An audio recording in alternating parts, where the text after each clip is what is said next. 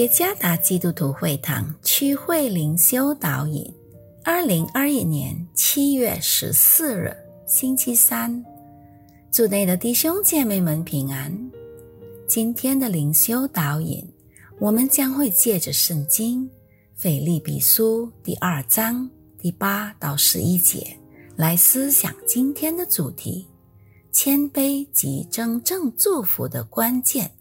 作者。梅沙传道，《腓利比书》第二章第八节：既有人的样子，就自己卑微，存心顺服，以至于死，且死在十字架上。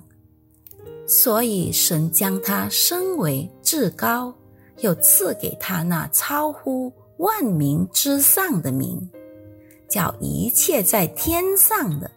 地上的和地底下的，因耶稣的名，无不屈膝，无不口称耶稣基督为主，使荣耀归于父神。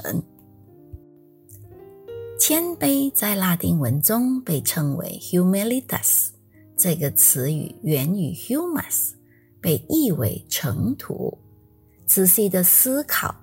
意义实在是非同凡响。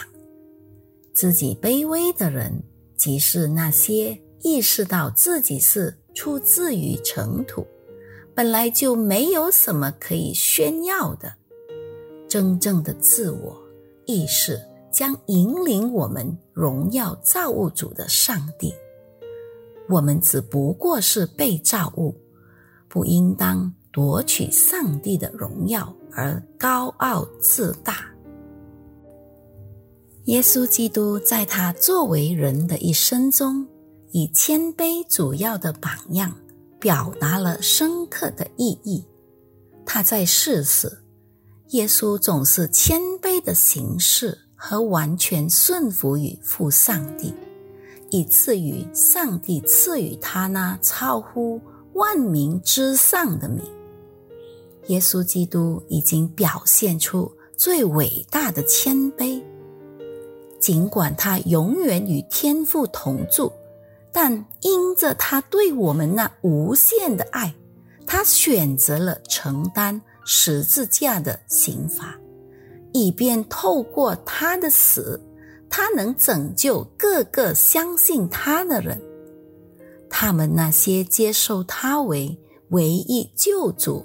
和救赎主的将会满心喜乐的进入天国，完全依靠上帝的谦卑，是我们今生所盼望的一切真正祝福的根基。我们需要了解并意识到，傲慢或高傲并不能带来此生的福利，相反的，谦卑的生活。会让我们成功，并被上帝真正的祝福充满。我们之所以被称义和被拯救，唯有因着他的恩典，而不是靠着我们的力量或努力。因此，让我们如同我们的主耶稣基督那样谦卑的生活吧。所以，你们要自卑。伏在神大能的手下，到了时候，他必叫你们升高。谦卑的接受和珍惜上帝所赐予我们的，作为他完美计划的一部分。愿上帝赐福于大家。